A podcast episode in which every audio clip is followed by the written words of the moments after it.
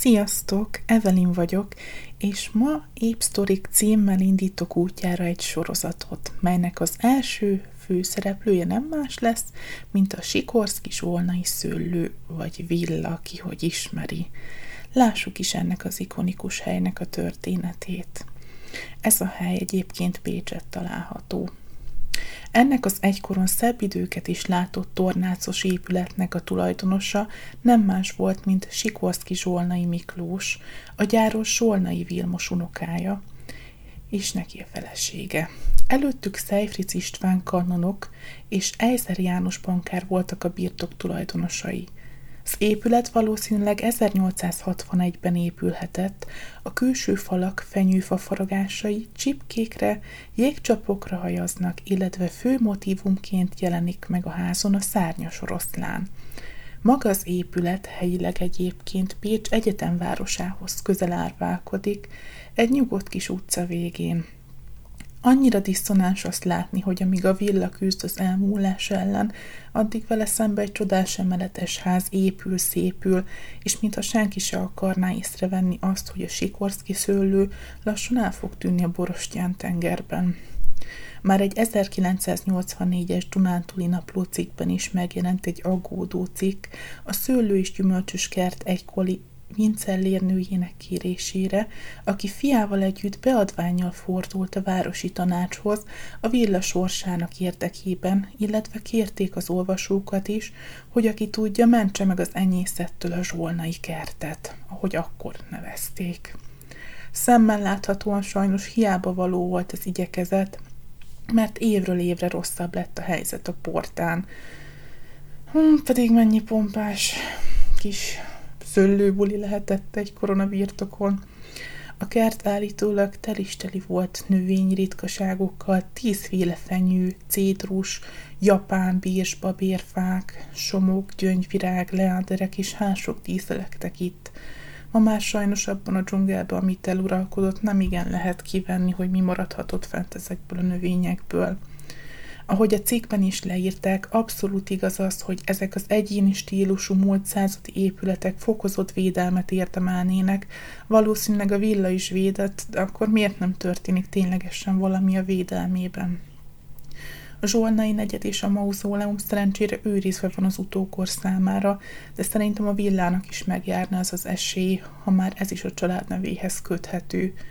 Annyi lehetőség lenne még benne, akár tematikus túrákat is lehetne ide indítani a negyed által, vagy felújítás után kiállító helyként használni, de ezek persze csak az én ábrányjaim, a valóság valószínűleg ettől sokkal zordabb.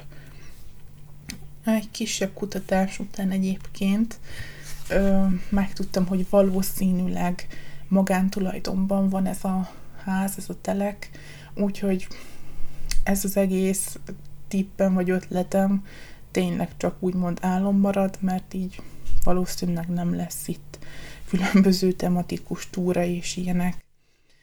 Aztán ki tudja, bízunk a legjobbakban.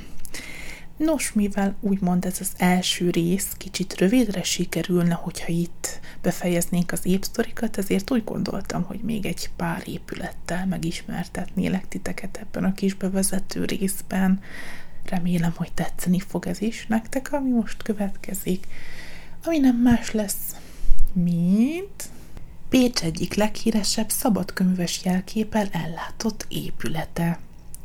Nagyon sokan nem tudják, de ez az épület a Percel utca közepén található, és pincéje egykoron állítólag az 1800-as évek végén és az 1900-as évek elején a helyi szabadköművesség gyülekezőhelye volt. Érdekesség, hogy a mély pince 160 négyzetméteres, és 9 méterrel az épület alatt található. Nos, ez az épület egyébként nem más, mint a Hoffman Károly féle egykori bútorraktár épülete, amelyet sokan csak csukásházként emlegetnek. Pincéjéről már tudjuk az adatokat, hát lássuk akkor a házról is. Egyébként semmi bizonyíték nincs arra, hogy ez az épület valójában ilyen jellegű gyülekező hely lett volna, de a városi legendák azt suttogják, hogy a helyi élet nagyjai, iparosok, jogászok az itteni pincében beszélték meg a városfejlesztéshez kapcsolódó nagyszabású terveiket. Ki tudja, hogy így volt-e, de az bizonyos, hogy egy nagyon szép épületről van jelenleg szó, amelyet 1871-ben Hoffman Károly bútorgyáros építetett, és idővel a zsolnai örökség része lett. Ipartörténeti műemlékháznak is számít a későbbiekben már, mint mondtam is, csukásházként emlegetett épület, melynek elég sok tulajdonosa volt egyébként már az évek során. Ez a későbbi névadó, hogy ne siklódjunk el felettesen, Csukás Zoltán volt bádogmester. Na de kanyarodjunk is vissza magához a helyhez. Üzletbejáratát figyelemfelkeltő zsolnai díszítés ékesíti, illetve a tetején ott díszeleg a fent említett szimbólum is, ami a mai napig sok járó kellő figyelmét az épületre vonzza, és ezért is kering körülötte a szabadkönyves rejtély épület stílusát tekintve egyébként leginkább a neoreneszánsz jegyeit, sajátosságait viseli magán. 2006-ban egy ingatlan Kft. teljesen felújította, és a későbbiekben sokáig egy melegbarát kávézónak adott otthont, jelenleg sem gazdátlan az épület, volt itt sushi bár is, ha jól tudom, és hogy a jövőben mi lesz, azt majd meglátjuk, de reméljük, hogy maga a ház mindig jó kezekben lesz és védve marad. Ha már szabad köművesség, akkor a következő helyszínünk nem más lesz, mint a Zsolnai Mauzóleum. Ugye ezt a helyet is sokan szabadköműves jelképként értelmezik, emlegetik. Szerintem ettől most tekintsünk el, csak foglalkozzunk magával a helyjel. Kezdeném is ezt a bemutatót egy kis idézettel, ha megengeditek. Aki itt időz, önkéntelenül is megadja a tiszteletet az itt nyugvóknak. A Zsolnai Mauzóleum Pécs Ledina nevű város részén található, és a pécsiek szerint egy misztikus hely. Egykoron a Zsolnai családtagjai itt aludták örök álmukat, Ma már a család egy része újra lett temetve egy másik helyre, mert évekkel ezelőtt sajnos vandálok megrongálták az itteni sírokat. Nyomdafestéket nem tűrő sorokkal tudnám jellemezni az ilyen embereket, akik mások sírjait háborgatják és fosztogatják, de ezt most inkább nem teszem meg, mert nem illene ide, de szerintem ti is hasonló véleményen vagytok a dologról. Na de térjünk vissza a mauzóleumra ami egyébként 1901-től 1913-ig épült. Zsolnai Vilmos 1900-ban bekövetkező halálakor fia megfogadta, hogy méltó síremléket fog állítani az édesapjuknak, és ebben a tervében az egész család támogatta. Vilmos ideiglenes nyughelye addig a Pécsi Budai városrész ótemetőjének Szent Mihály kápolnája lett. A mauzóleum főtervezője Zsolnai Vilmos feje Sikorszki Tádé volt. Tádé egyébként a gyárjeles művészeti vezetője volt, és elismert műépítészként is, tény- is ténykedett, és nem mellesleg Zsolnai Júlia férje volt. Nos, most jöjjenek egy kis száraz adatok, tények, melyekhez segítségül hívtam az internet nagyurát. Nos, lássuk is akkor az épületről az adatokat. A mauzóleum vízköpői és a vízelvezető árok mind-mind a zsolnai család munkái. Az épület északi oldalán, a másik bejáraton belépve 17 lépcsőn juthatunk be a temetkezési helyre. A kápolna közepén lévő kör alakú nyíláson felnézve a déli bejárat fölött elhelyezett félkör alakú domborműre lehet látni, mely egy szemre hasonlít. A nyugati oldalon látható Zsolnai Vilmos domborműves arcképe. A déli oldalon pedig egy kerámia történeti kuriózumot láthatunk, a vörös lüsztert. A mauzóleum 1986-ig a teljes megsemmisülés határán volt, aztán jött egy lelkes helyi lokálpatrióta, és pártfogásába vette a helyet. Sok mindent megtett a mauzóleumért, de sajnos végül a várossal folytatott, ki most a mauzóleum kulcsavita után? Feledésbe merült a neve, pedig nélküle biztos, hogy még nagyon sokáig méltatlan állapotok uralkodtak volna itt a mauzóleumban nevét nem tudom, hogy meg lehet-e említeni, nem merem, inkább maradjunk annyiba, hogyha beírjátok a keresőbe, akkor biztos ki fogja dobni, hogy ki volt ez az illető, aki megmentette a mauzóleumot a teljes pusztulástól. Egyébként ez a hely, tehát a mauzóleum a jelenlegi állapotát 2010-ben nyerte el, Zsolnai negyedtől a mauzóleumig tartó sétányt 42 darab pirogránitból készült oroszlán őrzi két oldalról. Ha erre jártok, számoljátok meg, de biztos, hogy 42. Na, nem mondtam semmit. A felújításokat a korabeli fotók és tervrajzok alapján készítették egyébként el a restaurátorok, és tökéletes munkát végeztek, hiszen fantasztikusan sikerült a mauzóleum régi pompáját rekonstruálniuk. és én is tökéletes munkát végeztem azzal, hogy ezt a szót sikerült úgy kimondanom, hogy talán érthető lett. Nos, érdekesség, hogy egy kis érdekességet is mondjak. A Zsolnai család nevéhez az utóbbi időben sajnos vagy nem sajnos, mint említettem már az elején is, hogy hozzákapcsolták a szabadköművességet, és sokak szerint ez a mauzóleum is tele van szabadköműves jelképekkel, mint ahogy ezt a bevezetőmbe is már sugaltam.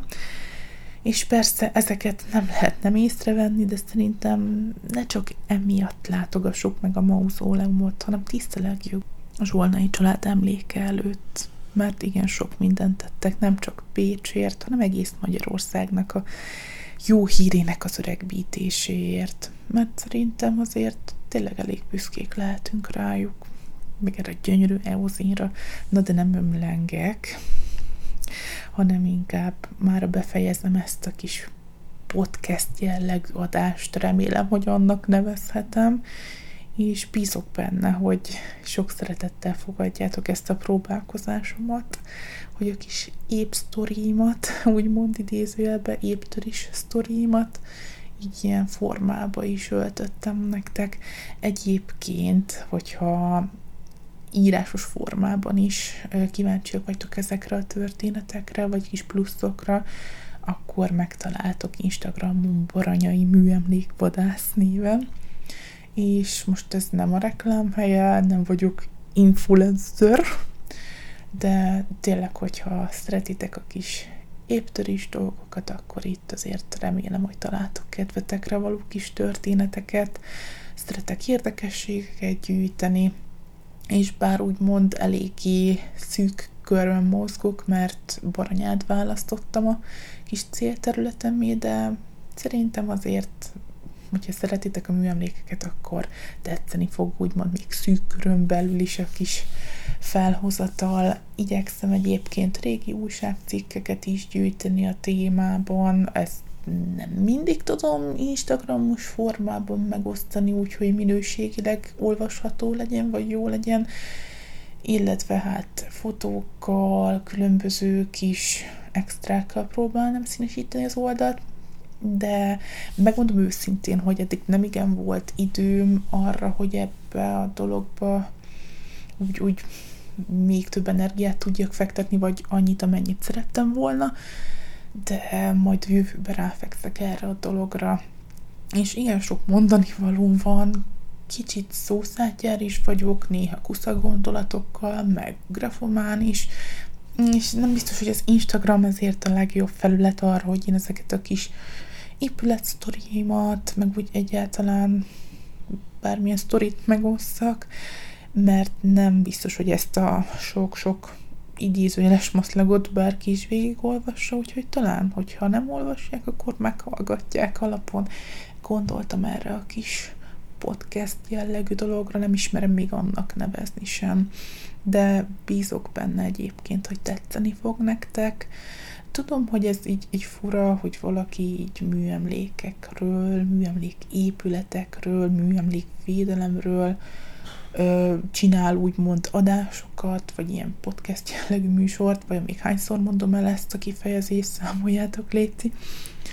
De szerettek én mindig így kilógni a sorból, úgyhogy hát remélem, hogy lesz azért, akinek tetszik ez a kis idézőjelbe különbségem, de nem mondom, hogy a jövőben egyébként itt ezen a platformon nem fogok más jellegű témákat is boncolgatni, a Baranyai Műemlékvadász Instagram oldal az marad ezen a vonalon, de itt ezen a csatornán szerintem azért kimozdulok majd más irányokba is, de nem kell itt olyan nagy éles váltásokra gondolni, tehát azért próbálok úgymond, most nagy képűen fog hangzani, de kultúr, tehát kulturális vonalon maradni. Hát reméljük, hogy lesz erre úgymond érteklődő, én igyekszem, úgy, hogy úgy készíteni ezeket az adásokat, hogy érdekes legyen, tehát kicsit izgulok. Mindegy, meglátjuk. Köszönöm szépen, hogyha velem tartottatok. Tartsatok hát velem legközelebb is. Sziasztok, jó egészséget, minden jót, vigyázzatok magatokra, és köszi, hogy itt voltatok még egyszer. Sziasztok!